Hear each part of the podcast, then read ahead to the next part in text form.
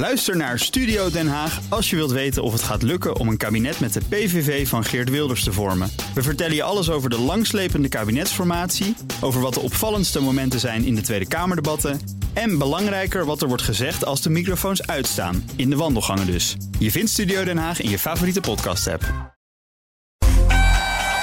25 jaar BNR. 25 jaar relevant. 25 jaar onafhankelijk. 25 jaar betrouwbaar. En jij? Bedankt voor de afgelopen 25 jaar. Blijf eens luisteren en blijf scherp. BNR Nieuwsradio. The Big Five. Art Rooijakkers. BNR is jarig. Dat wordt gevierd. Op dit moment zelfs letterlijk. Er is een borrel gaande hier net buiten de studio. Bas van Werven, ook 25 jaar bij deze zender. Werd even gehuldigd met een boekenbon. En niet meer dan terecht natuurlijk. We halen herinneringen op in BNR's Big Five. Met alle hoofdredacteuren. Op hun opvallende nieuwsmomenten. Hoe je nou concurreert met andere zenders. Hoe het medialandschap is veranderd. We bespreken het allemaal hier in BNR's Big Five van 25 jaar BNR. Vandaag doe ik dat met uh, Mireille van Ark, zoals ook hoofdredacteur hier. Uh, eerst adjunct, nee, eerst chef, daarna adjunct. 2020 januari werd ze aangesteld als hoofdredacteur tot vorig jaar september. Sindsdien is ze adjunct hoofdredacteur bij RTL Nieuws. Ja, welkom. Fijn je weer eens te zien. Nou, heel fijn om hier te zijn, deze mooie week. Ja, ik kom hier bij BNR tegenover in de kantine bij RTL de laatste keer. Ja, klopt, ja, vorige week nog. We gaan het hebben over jouw nalatenschap bij BNR. Maar ik wil graag twee dingen eerst van je weten. De eerste vraag is een vraag waar je geen nee op mag zeggen. Luister je nog wel eens naar BNR? Ja. En? Elke ochtend. Wat hoor je dan? Ik start altijd half acht met BNR. Uh, en dan hoor ik uh, vooral uh, heel veel gedrevenheid.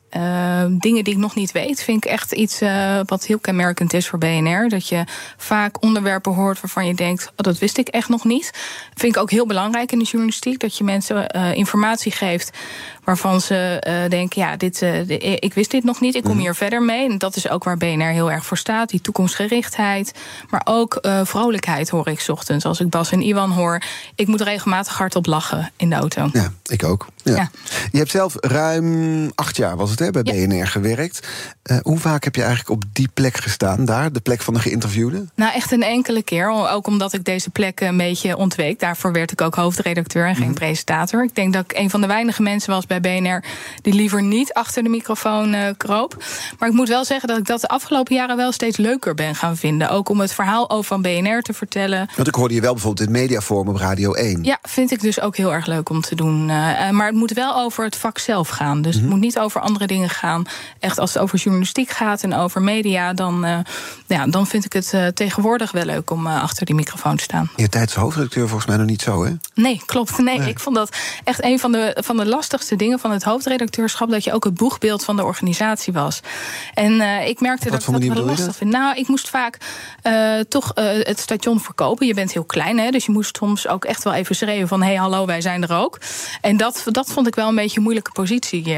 Omdat soms. het misschien niet helemaal bij je karakter past? Ja, dat denk ik, ja. ja dus ik ben, heel, ik, ik ben heel erg van de redactie, van de mensen op de redactie, van de journalistiek. Uh, en misschien uh, minder uh, heel hard roepen: hey, hier zijn we en hier ben ik. Dus ik vind dat ook dat andere mensen dat heel goed doen. Mijn voorganger, George Freulich, was daar echt een meester in. Dus dat waren ook best wel grote schoenen om te vullen. Ja, je hebt het toch gedaan. voordat je hoofdredacteur werd, werkte je dus hier al een aantal jaar als chef en als eindredacteur. Je zag George Freulich dat dan op een manier doen waarvan je dacht: zo, zo, zo kan het dus. Maar dacht je ook wel eens: die stoel, daar wil ik zitten? Absoluut. Ja, ja ik denk dat ik dat al in een vrij vroeg stadium dacht. Uh, omdat ik het denk, ik vind de rol heel erg leuk. Dus ik vind het heel erg fijn om lijnen uit te zetten, om mensen te inspireren, te enthousiasmeren. En wanneer um, begon het zagen aan de stoelpoot?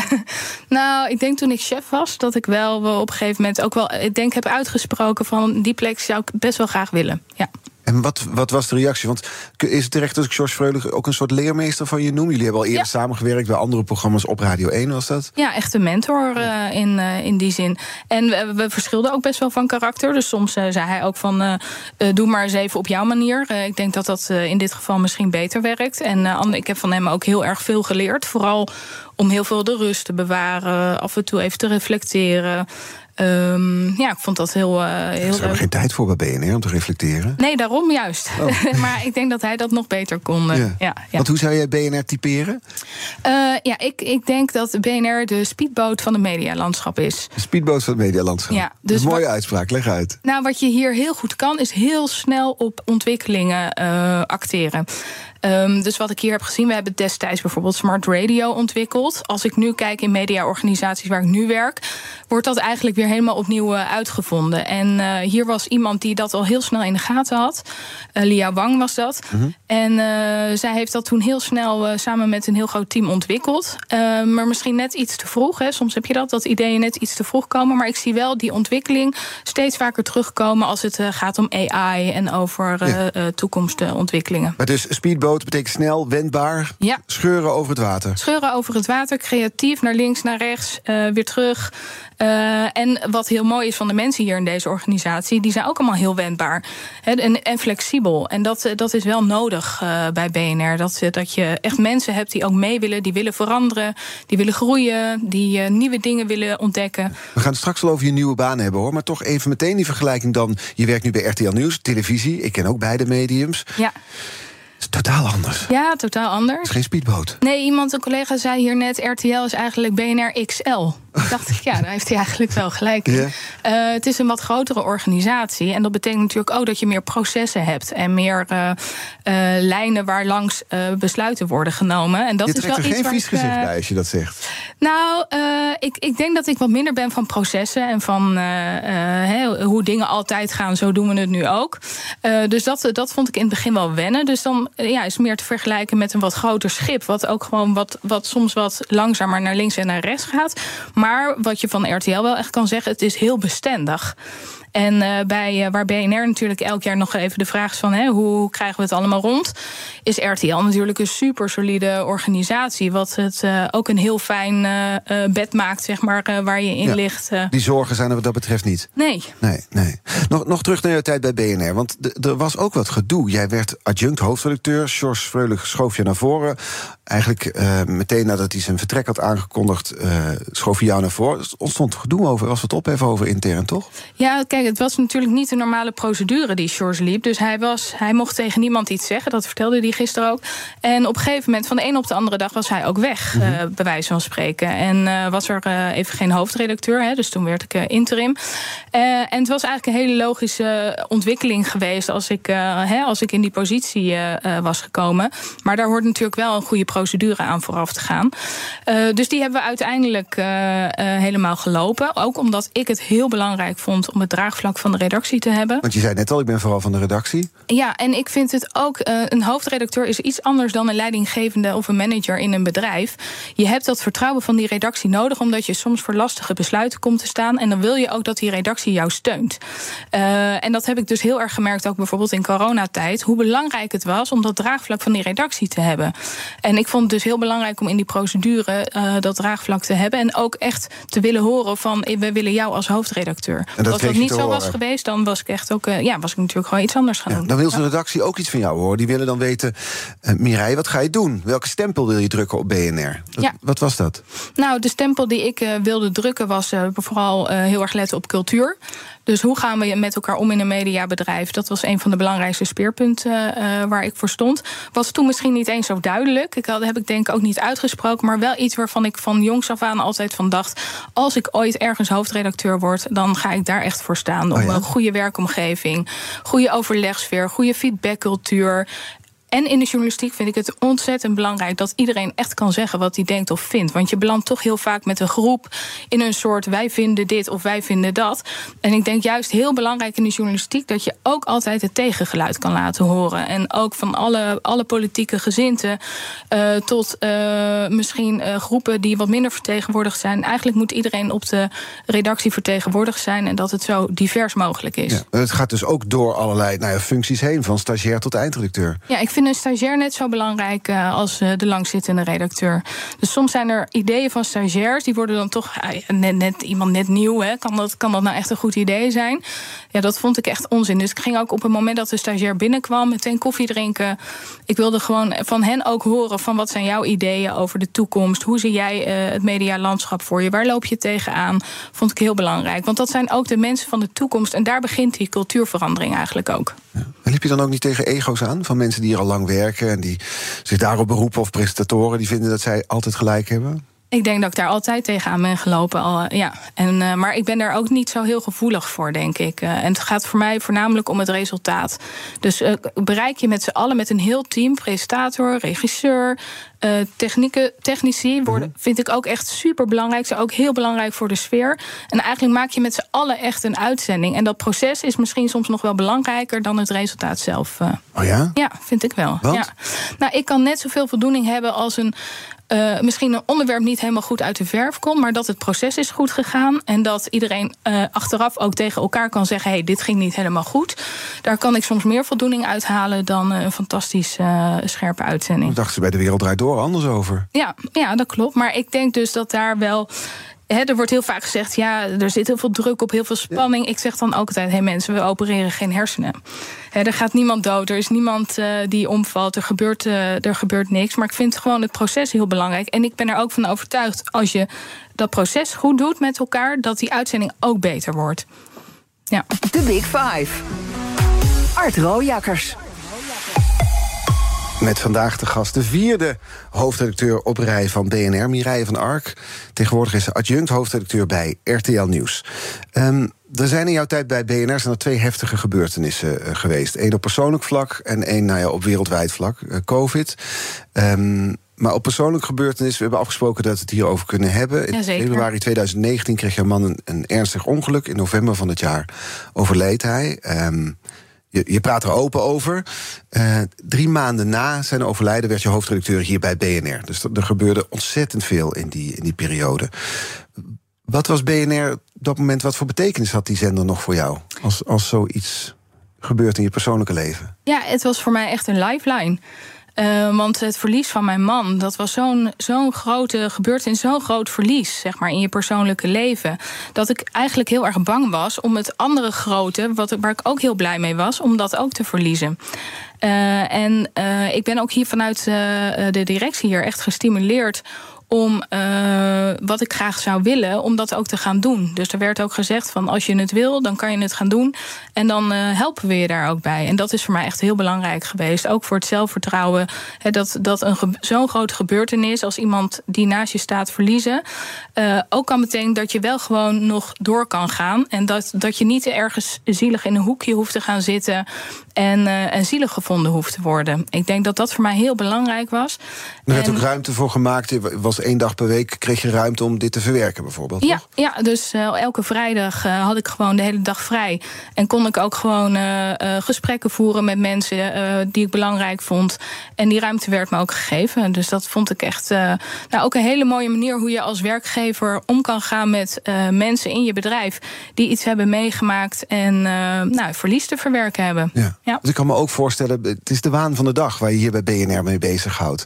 Dat je, je kijkt naar het nieuws er komt van alles voorbij, dat niets er meer toe doet. Dus dat de relativering zo groot is dat nieuws ook niet meer belangrijk is. Ja, ik denk dat dat in de eerste maanden ook wel zo was. Dus uh, wanneer er uh, tegenslagen waren in het bedrijf, dan, uh, dan dacht ik, nou ja. Uh, wat is nou belangrijker? Mm -hmm. Maar je merkt eigenlijk na, na drie maanden dat alles weer net zo belangrijk is uh, als, uh, als daarvoor. En tuurlijk sta je wel anders in het leven. En ik denk wel dat ik heel goed kan relativeren. Um, aan de andere kant vind ik het nog steeds heel belangrijk om het druk te maken over nieuws. En COVID kwam er natuurlijk toen heel mm -hmm. snel aan. Uh, en ik merkte dat ik daar gewoon al uh, binnen een aantal weken gewoon mijn hoofd ook daar uh, weer volledig door bezet was. En dat vond ik ook heel prettig en ook heel fijn. Terwijl um, iemand vergelijkt het wel eens, hè, als je iemand verliest met een, met, een grote, ja, met een grote bol van verdriet. En normaal zou je dan denken, die bol wordt kleiner, dus dat verdriet wordt minder. En dat is dus eigenlijk niet zo. Alleen de ruimte eromheen. Hè, als je er een vaas omheen zou zetten, wordt die ruimte groter. Maar dat verdriet blijft natuurlijk gewoon en dat blijft gewoon even groot. Ja. En ik, ik weet nog, ik was werkzaam toen bij, bij BNR. Ik weet nog dat er hier een hele organisatie gaande was... omdat er een foto gemaakt werd voor jou... waarbij alle mensen hier voor het pand kwamen staan. Klopt, ja. Ik dacht, uh, ik krijg er eens een, uh, een brandoefening of zo. Iedereen staat buiten. En, en toen zei ik wel, nee, ja, kijk nou eens even goed. En toen waren was eigenlijk alle collega's waren in de vorm van een hart gaan staan. En dat heeft me zo ontzettend goed gedaan. En ook dat is misschien wel dat je je gedragen voelt door je, door je redactie. En dat niemand zei van nou zou je dat wel gaan doen. Of, maar dat iedereen gewoon zei ga ervoor. Mm en dat, dat vind ik heel kenmerkend uh, voor, voor een redactie die uh, natuurlijk ook uh, door moet. En ja, ik heb alle ruimte gekregen, die, ook, van de, ook van de redacteuren zelf. En ik kon er hier ook heel goed over praten. Mensen kwamen ook naar me toe en die vroegen ook: hoe is het met je? Wat vind je er nou eigenlijk van? hoe sta je erin? Ik heb ook geprobeerd die gesprekken altijd heel open te voeren. Mm. Heeft het jouw hoofdredacteurschap hier gekleurd? Ja, absoluut. Ja. Het heeft zeker mijn hoofdredacteurschap gekleurd. Uh, maar het heeft me ook als mens echt heel erg goed gedaan. Ja. Dus dit, dit, dit bedrijf was voor mij echt een, uh, een, een baken van rust, zeg maar, in die roerige periode. Al zou je dat misschien niet zeggen met wat er allemaal gebeurde. Mm -hmm. um, en op maar de zekerheid van een baan waar je naartoe kan, ja. waar je verantwoordelijkheden hebt. Voor mij was het heel belangrijk om elke ochtend hier gewoon om negen uur te zijn. En de mensen te ontmoeten uh, die wisten wat er was gebeurd. Was voor mij op dat moment even heel belangrijk. Ja. ja. Een soort houvast. Ja, houvast. Ja, ja. zeker. Maar dan, dan gebeurt dat. Dan neem je die nieuwe baan, uh, die, die ga je aan. En vervolgens gebeurt er dus wereldwijd iets. Namelijk corona breekt uit, de covid-crisis. Met een enorme impact, ook op deze zender. Uh, het is raar om nu het leed van BNR op dat wereldwijde leed te plakken. Zo bedoel ik het niet. Maar de zender kwam in een perfecte storm terecht. Mensen zaten niet meer in de auto, waardoor ze niet meer zoveel radio luisterden. Dat had effect op adverteerders. Uh, luistercijfers liepen daardoor terug. En daar zat jij dan als hoofdredacteur mee te worstelen. Ja, klopt. Ik weet nog dat ik hier op een zondagavond was. Uh, toen werd aangekondigd dat scholen, bedrijven dichtgingen. Uh, en dat we dachten, oké, uh, nou ja, dan uh, ga je hier heel snel handelen. Je maakt extra uitzendingen. we hebben natuurlijk zelf ook iedereen naar huis toe gestuurd. We zijn dus vanuit huis uitzendingen gaan maken. Bas vanuit Ek en Wiel. En de regisseur zat weer ergens anders. Was echt heel knap dat dat kon. Dat was ons team van techniek heeft toen echt heel keihard gewerkt. Ehm ja, dus dat was, een, was, was een, natuurlijk een hele rare periode. Maar ja, dat was dan die, die aanvangsperiode. Maar vervolgens komt een periode dat dus echt gevolg heeft voor het personeel hier ook. Ja, en dat realiseer je helemaal niet op dat moment zelf. Maar uh, een paar weken daarna zag je inderdaad dat adverteerders heel erg geschrokken waren. Zich gingen terugtrekken. Uh, mensen dus niet meer in de auto zaten. Nou, wat je net zegt, we kwamen in een perfecte storm uh, terecht. En dan moet je ook heel snel bij elkaar gaan zitten. En gaan bedenken, wat gaan we dan doen om te zorgen dat we dit jaar gaan doorkomen. Want je weet dan ook niet op dat moment welke kant het op gaat. Ja. En dat is dan heel dubbel, want een van de taken die je als hoofdredacteur had... was 20 collega's ontslaan, 10 freelancers en 10 vaste medewerkers. Ja.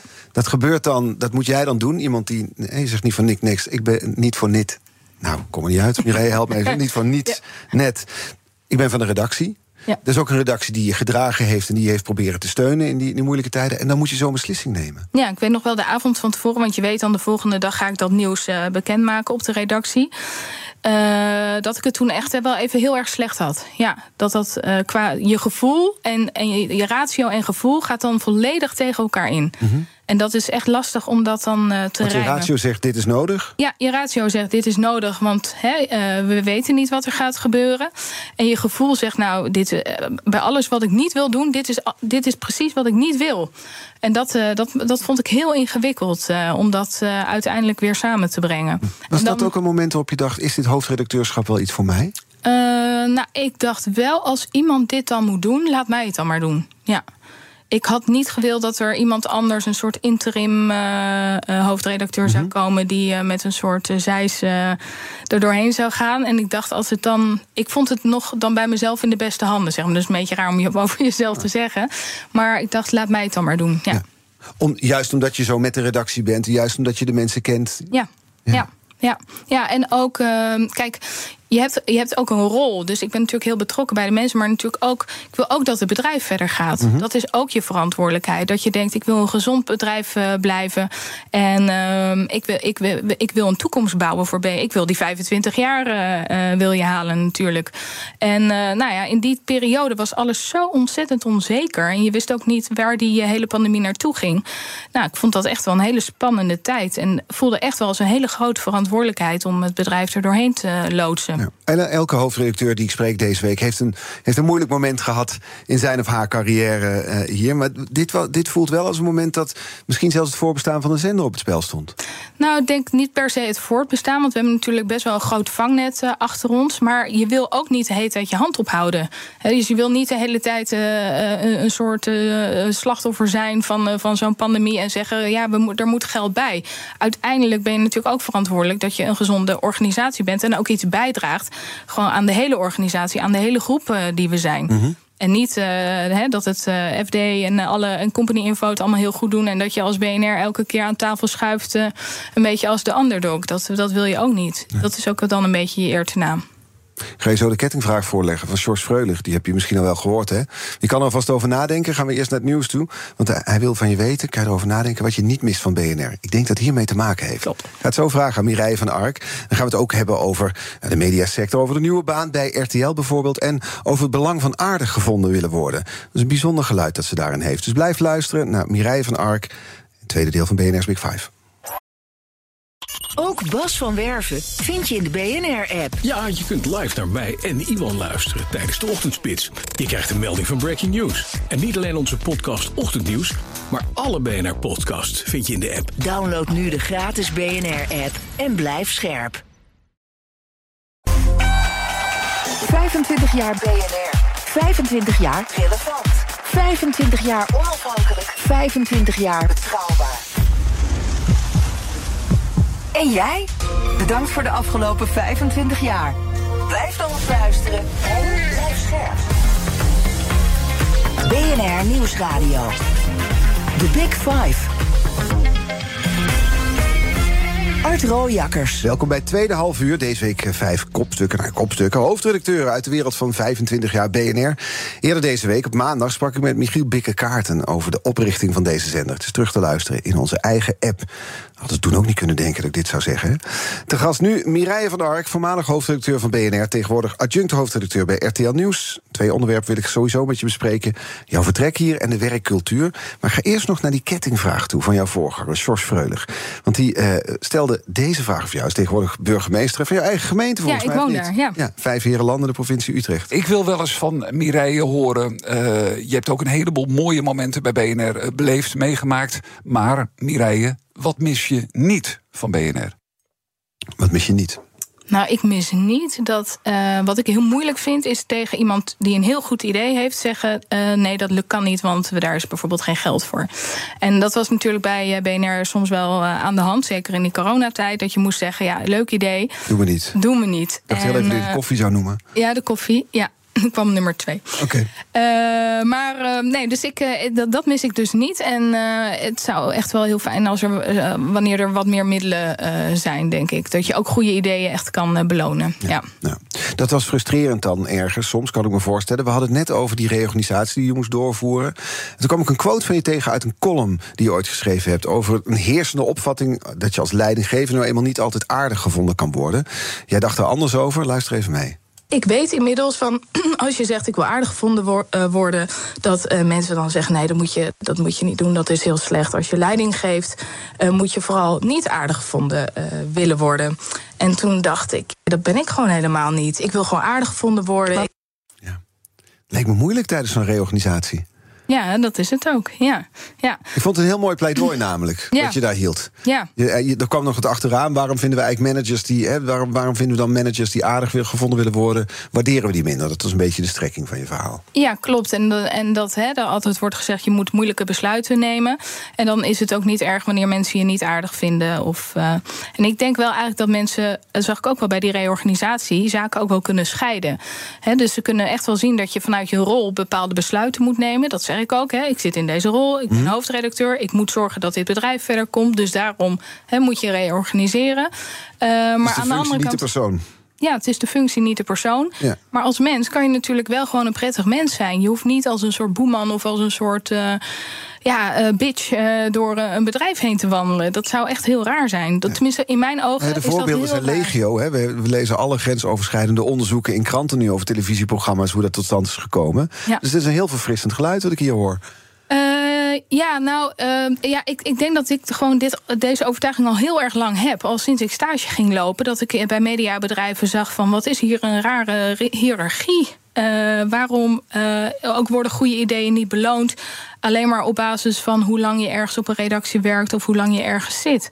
Eh, en ik denk dat dat voor elke redactie in Nederland eh, eh, een tijd lang zo heeft gegolden. En dat, het, dat er nu een nieuwe generatie eh, komt eh, die daar eh, anders naar kijkt. En ik denk dat dat heel goed is. Veelzeggend vind ik dat jij eh, achteraf de mensen die je hebt moeten ontslaan, die heb je opgezocht en met hen samen geëvalueerd hoe zij het hebben ervaren. Hoe je die gesprekken hebt gevoerd, Ja. wat je beter had kunnen doen. Niet allemaal, maar bij een paar eh, die heb ik uitgenodigd en heb ik gezegd van ik wil eigenlijk heel graag van jou weten van wat had ik nou beter kunnen doen. Ja. Hoort dat Eh, in die lijn van aangevonden willen worden? Nou, meer in de lijn van hoe kan ik ook, stel dat dit in de toekomst weer gebeurt. Ik, ik voelde wel bij mezelf dat ik een aantal dingen gewoon beter had kunnen doen. En eh, dat waren eigenlijk ook precies de punten die ik terugkreeg eh, eh, van, van deze medewerkers. Nog En, meer levender zijn misschien? Nog meer? Nog meelevender zijn? Ja, meelevender. kritiek? Ja, ja, menselijk, nog iets menselijker. Ik, ik denk dat de rol die je hebt op dat moment best wel formeel is. Hè. Het heeft ook met allerlei juridische aspecten te maken. Eh, maar ik denk dat ik dat nog wel iets meer als mens had kunnen doen... en minder eh, in de formele rol eh, had kunnen zitten. En ik vond het ook heel fijn om die gesprekken met hen te voeren. En deed af en toe ook wel zeer natuurlijk. Hè, want mensen zijn toch ook ja, niet, niet blij met je geweest. Eh, maar wel heel goed om te horen, denk ik. En om voor een volgende keer eh, dat soort dingen mee te nemen. Weet je wat over jou gezegd werd? Dat je daadkrachtig bent, neem van besluiten, maar dan wel met een fluwelen hamer. Vond ik zo mooi gezegd. Ja, ik, volgens mij was dat iemand van HR die dat, eh, die dat toen heeft gezegd tegen me. Compliment denk ik dan toch? Of? Ja, ik, ho- ik hoop het. Ja, ik hoop het. Ja, ik, ik hoop gewoon dat je mensen altijd in hun waarde kan laten. En ja, voor iedereen respect eh, kan hebben. eh, ook in wat voor situatie iemand ook, eh, ook in zijn werk zit. Ja. Je was de eerste vrouwelijke hoofdredacteur van deze zender. Ja, het is dan raar dat ik dat meteen ook aan jou ga vragen. Hè? Want dat heb ik dus niet aan die mannen gevraagd die tot nu toe hier waren over diversiteit. Maar was dat voor jou een van de speerpunten? Ja, was zeker een van de speerpunten. Want ik vind, het, eh, ik vind het een belangrijk onderwerp. Het is niet zo dat ik dat nou het allerbelangrijkste vond. Of dat ik het gevoel had van... oh, ik ben de eerste vrouwelijke hoofdredacteur hier. Eh, zeg maar, zo sterk, was dat, eh, zo sterk was dat niet aanwezig. Maar bijvoorbeeld in het programma Zaken doen... daar zaten gewoon heel erg veel mannen. Ik vond dat echt belangrijk dat er ook eh, eh, rolmodellen aan het woord kwamen... voor eh, jongere vrouwen, meisjes die eh, aan het studeren zijn. Ehm, en dus hebben we de zakenpartner eh, geïntroduceerd. Dus er zat altijd een vrouwelijke eh, businesspartner eh, eigenlijk bij. Eh, iemand die in het zakenleven een hoge positie had. daar sporen had verdiend. Zodat het ook echt als rolmodel werd gepresenteerd. Maar bij het belangrijkste programma in de ochtend zitten nog steeds twee mannen. Zeker, ja, ja, ja. Maar daar hebben ook wel vrouwen in het verleden gezeten natuurlijk. Maar eh, ja, soms eh, is een combinatie, werkt zo goed... eh, dan moet je dat ook zeker niet veranderen. Is het eigenlijk irritant dat je als vrouwelijke leidinggevende hierop wordt aangesproken... terwijl ik het aan die mannen niet vraag? Nee, ik vind het eigenlijk wel goed. Ik denk ook wel... Ik trapte denk, mezelf erop namelijk. Ja, ja, nee, maar ik denk bijvoorbeeld de vorige hoofdredacteur had net zoveel oog voor diversiteit. Misschien soms eh, nog wel meer omdat hij man was en, eh, en eh, hè, daar dus ook echt zich in moest bewijzen. Bij RTL Nieuws nu hebben we een adjunct hoofdredacteur die heel erg in diversiteit in het onderwerp zit en ja, daar heel erg voor staat. Dus het hoeven niet altijd vrouwen te zijn die dat onderwerp op de agenda zetten. Ik denk dat het juist belangrijk is dat het ook mannen zijn die dat doen. Ja. En dat gebeurt dan bij BNR genoeg? Ik denk dat BNR eh, qua eh, diversiteit op de redactie... dat dat echt nog wel eh, beter zou kunnen. Maar ik, ik hoor wel dat er veel aandacht is... voor de verhouding man-vrouw in elk geval. Eh, en dat je natuurlijk ook gewoon mensen met een andere achtergrond aan het woord laat. eh, nou, bijvoorbeeld, ik vond de vorige was dan niet op BNR, maar bijvoorbeeld uh, uh, Ali Niknam, uh, hè, die vertelde over hoe hij uh, nog wordt gediscrimineerd uh, af en toe in onze samenleving. Ja, ik vind dat heel belangrijk om dat ook te vertellen. En mm -hmm. dat zou ik op BNR nog wel vaker willen horen. Oké, okay, dus een advies van de voormalige hoofdredacteur. Ik schrijf even mee, die schrijven dan op. Sowieso wil ik straks nog horen wat je vindt van BNR nu en wat er beter kan. Um, maar ik ben zo benieuwd, je hebt NAM na, wanneer was, hoe lang was je nou hoofdredacteur hier? Twee jaar. Twee jaar, ja. Dat is best snel om dan alweer weg te gaan. Ja, zeker. Ja. Was het een unieke kans waardoor je wegging, of was het, was het genoeg hier? Nou, het, het, was denk ik een samenloop van uh, omstandigheden. Hè. Dus uh, ik zat in, in totaal uh, heb ik acht jaar bij BNR gewerkt. Um, ik was eigenlijk ook wel toe toch aan een andere omgeving. Misschien juist wel door die reorganisatie en door de persoonlijke gebeurtenissen die ik had meegemaakt. Dat ik ergens toch weer een frisse nieuwe start wilde maken. Um, en in een andere omgeving. En toen kwam ik in contact uh, met de huidige hoofdredactie van uh, RTL Nieuws. En dat klikte eigenlijk ook wel heel goed. Uh, met dezelfde ideeën die ik ook heb. En het, ja. ja het leek mij eigenlijk wel mooi, een mooi team om, uh, om daarmee verder te gaan. Nu ben je adjunct hoofdredacteur, dat was je hier ook. Uh, een poos, is dat een functie die jou wellicht beter past dan die van hoofdredacteur? Ja, misschien wel. Ja, ik denk dat hij dus niet het boegbeeld of niet in de frontlinie, maar net erachter. Ja, wat je net al zei, hè? Naar, ja. naar buiten toe. Je bent goed naar de redactie toe, maar naar buiten toe. Dat schreeuwen, dat ging je niet altijd even makkelijk af, zei je al. Ja, klopt. En ik denk dat ik op deze positie ook heel veel dingen voor elkaar krijg. Ik vind het ook heel leuk om achter een hoofdredacteur te staan en die hoofdredacteur he, tot een succes te maken. Dat, dat, dat past ook wel bij mij. En ik uh, vind het ja, eigenlijk gewoon heel interessant ook om te zien hoe die organisatie intern, uh, hoe die processen gaan. En juist bijvoorbeeld, hè, als ik zeg op het cultuurvlak, kan je als adjunct hoofdredacteur zit je dichter op die redactie en kan je dus eigenlijk meer voor elkaar krijgen. Ja. Zijn wel types hè, bij televisie.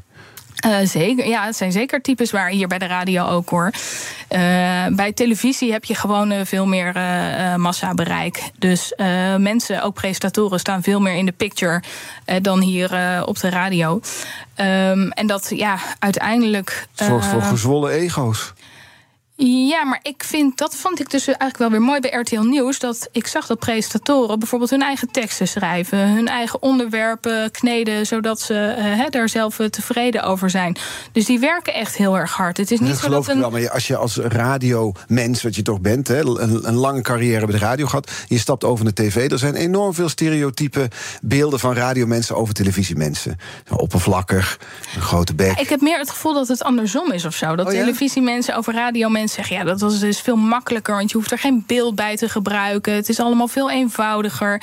En dan denk ik, ja, maar ik denk dat radiomensen echt die inhoud... staan natuurlijk veel meer voorop uh, bij radio. Het gaat namelijk eigenlijk niet om de vorm, maar echt om die inhoud. Dus inhoudelijk zijn radiomensen hartstikke goed. Ik merk het ook wanneer de radiomensen naar uh, televisie overstappen... dat die natuurlijk heel erg vanuit de inhoud denken. Mm -hmm. En dat vind ik juist, juist wel heel krachtig. Gaat beter dan televisiemensen die ook op de radio komen? Je kijkt me ja, nu aan, hè? Je ja, kijkt me aan. Ja, ja, ja. Ik zeg niks. Oké. Okay.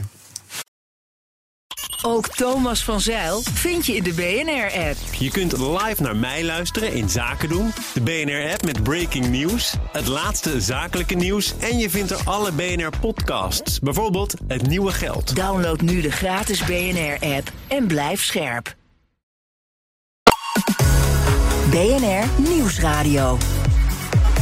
The Big Five. Art Rooijakkers. 25 jaar BNR vieren we deze week. Lekker navelstaren. En dat doen we lekker ook met al onze oud-hoofdredacteuren. Gisteren was het bijvoorbeeld George Freulich. Ging over de opkomst van podcasts. Terug te luisteren via bnr.nl en dus de bekende podcastkanalen. Vandaag Mireille van Ark, de gast, voormalig hoofdredacteur van BNR... tegenwoordig werkzaam als adjunct hoofdredacteur bij RTL Nieuws... waar ze het NOS-journaal op de hielen zitten. Ja, zeker met de nieuwe meetcijfers. Uh, Heb je kijkcijfers worden dus anders gemeten... en nu blijkt in één keer, ja, jullie zijn die, die... Het gaat daar lukken wat bij BNR niet is gelukt. Ja, ja nee, daar, daar heb je wel een beetje gelijk in. Uh, eigenlijk wat er met de cijfers, hè, die luistercijfers, uh, die meting, die viel eigenlijk soms wat nadeliger uit. Maar ja, deze. Dat is een nieuwe manier van luistercijfers ja. meten en die is voor BNR niet goed uitgepakt. Nee, nou, het gaat erom zeg maar, dat mensen een app installeren op hun telefoon. En ik denk ook dat BNR-luisteraars dat misschien minder bereidwillig zijn om dat te doen. Um, ja, en bij de, bij de televisie is het zo dat er ook anders gemeten wordt. Maar dat pakt dus eigenlijk juist heel goed uit. Uh, voor alle uh, programma's van RTL in de vooravond. Van RTL Boulevard tot editie, tot RTL Nieuws. En dat is ook wel weer een heel mooi compliment, vind ik. dus van de elke dag champagne en taart bij jullie nu? Nou, dat, ik vond dat dus wel grappig, want we hadden het eigenlijk niet eens zo opgemerkt. Uh, en ineens uh, gingen we het lijstje bekijken en dachten we, hey, we staan eigenlijk op de uh, nummer drie positie op dit moment, vlak achter het NOS-journaal. En dat is natuurlijk wel, daar word je wel even heel erg trots van. Ja. En ook hongerig, want dan denk je nu ook erop en erover. Absoluut, ja. Kijk, zoals BNR is natuurlijk de challenger. Hè, die, uh, Michiel Bikkerkaart zei dat ook. Hè. Je, je, gaat een soort vijandsbeeld creëren. Hè, de Radio 1 en we willen groter worden. Nou ja, het is best, dat is best ingewikkeld op de radio. Mm -hmm. Maar voor RTL Nieuws geldt natuurlijk ook een beetje hetzelfde. Je wil toch een beetje tegen de gevestigde orde. En je wil er dan toch overheen op een gegeven moment. Ja. Dus, uh, ja. Gaat het lukken? Nou ja, ik denk de doelgroep die wij hebben uh, is echt geïnteresseerd in nieuws. Daar ben ik nog steeds heel erg blij om. Hè? Ook omdat je hoort dat er steeds uh, meer nieuwsmeiders zijn. Uh, en ik denk waar RTL heel goed in slaagt, is om nieuws op een begrijpelijke manier over te brengen. En ik denk dat dat op andere, bij andere nieuwsorganisaties nog wel eens ontbreekt. Dat je toch te hoog over, toch te veel voorkennis veronderstelt. veronderstelt. En ik denk dat wij proberen zo dicht mogelijk bij die kijker te staan. We hebben nu ook sinds een half jaar het RTL Nieuws panel. Nou, daar ben ik echt heel enthousiast over. Over wat daar uitkomt en wat voor mensen daaraan meedoen. Zijn er in, in totaal uh, al bijna 40.000 uh, op dit moment. Uh, met Gijs Rademaker uh, als boegbeeld. Ja, en dat brengt ook heel veel onderwerpen naar ons toe. Dus deze mensen komen ook zelf met onderwerpen en zeggen: nee, ik vind dit belangrijk of dat belangrijk. Als je nu de algemene beschouwingen hebt en het gaat over middeninkomens, ja, dat is precies de doelgroep die wij hebben. Dus heel belangrijk dat we daar op een hele goede manier duidingen aan gaan geven. Wat daar nu allemaal politiek gebeurt. Ja, en als je dan zo dus in Hilversum op zo'n redactie rondloopt... met al die mogelijkheden die er zijn... dan kijk je ook nog zo over je schouder terug naar BNR. Denk je dan wel eens, hadden we dit maar daar op de zender gehad bij BNR? Absoluut, absoluut. Ja, ja zeker omdat je... We hebben best wel een groot correspondentennetwerk bij RTL Nieuws. Nou, het zou hartstikke lekker zijn uh, om dat ook uh, op BNR uh, bijvoorbeeld te hebben. Um, en aan de andere kant, BNR maakt je wel heel creatief. Hè? Dus ik denk nog wel eens bij RTL Nieuws... nou, qua vorm, het kan wel iets, mag wel iets creatiever... of er mag wel iets, nog iets meer over nagedacht worden... Mm -hmm. Terwijl bij BNR heb je zo weinig middelen dat je wel heel creatief moet zijn. Uh, en daar komen soms ook hele mooie dingen uit. Uh, ik heb ook echt wel onderwerpen gehad in het verleden waarvan ik dacht dat hadden, hadden we anders nooit gedaan. Uh, als, als, we, als we alle middelen bijvoorbeeld hadden gehad. Hm. Heb je nog eigenlijk, want je, je luistert naar BNR elke ochtend, zei je al. Je, je, je hebt nu gezien hoe het dan op zijn tv, nieuwsredactie eraan toe gaat. Als je nu naar het BNR van nu luistert, je bent pas net weg uiteindelijk, maar toch, zijn er, zijn er dingen die je als advies zou willen geven? Uh, nee, absoluut niet. Ik denk uh, dat de, de, de, de slogan blijft scherp, dat dat echt heel erg van toepassing is op, op de zender. ik denk de, qua onderwerpskeuze dat BNR voorop loopt. Um, dat het echt onderwerpen zijn die ik pas veel later uh, bij, op andere zenders hoor. En dat, dat maakt BNR heel erg, uh, heel erg goed en heel erg krachtig. Juist die scherpte. En uh, ja, ik vond wat Michiel ook aan het begin van de week zei. blijf je verwonderen en blijf vragen stellen. En een harde vraag is, is geen. Uh, gemene vraag. Mm -hmm. uh, en die harde vragen, als ik Bas ochtends hoor, denk ik, ja, het is een harde vraag, maar het is geen gemene vraag. En dat, dat, dat maakt het zo fijn om naar te luisteren. Want wat is het verschil tussen die twee dan? Nou, een harde vraag uh, gaat er gewoon, is gewoon een hele realistische vraag. maar niet met een verborgen agenda daarachter. Gewoon omdat je het echt wil weten. En ik denk dat je echte verwondering en iets echt willen weten dat dat wel ook in de journalistiek wel iets meer naar voren mag komen. En soms lijkt het wel alsof een vraag toch een beetje bedoeld is om eigenlijk een ander antwoord te krijgen. Of eigenlijk he, iets naar boven te halen, een antwoord uh, waar je op hoopt uh, en dat op een andere manier niet krijgt. Terwijl ik vind echte verwondering, iets echt willen weten, omdat je het wil weten, vind ik een veel mooiere radio opleveren. Ja, dus oprechter. Oprecht, ja. ja. Hoe blij was jij dat jij die frequentieveiling niet meer hoefde te, te doen als hoofdredacteur? Nou, ik, uh, op het moment dat ik hier wegging, uh, toen kwam eigenlijk uh, het nieuws dat, dat er opnieuw geveld ging worden. En ja. toen, ik heb het wel echt een beetje met de collega's te doen gehad, inderdaad. Zeker ook een nieuwe hoofdredacteur, Mark Adriani, die, ja, die dit allemaal op, op zich kreeg. Ja, want die, voor, de, voor de luisteraars, de, de FM-frequenties zijn opnieuw geveild. En daar heeft BNR best in de buidel, moet, nou flink in de buidel moeten tasten om het voortbestaan van de zender op uh, FM te, te waarborgen.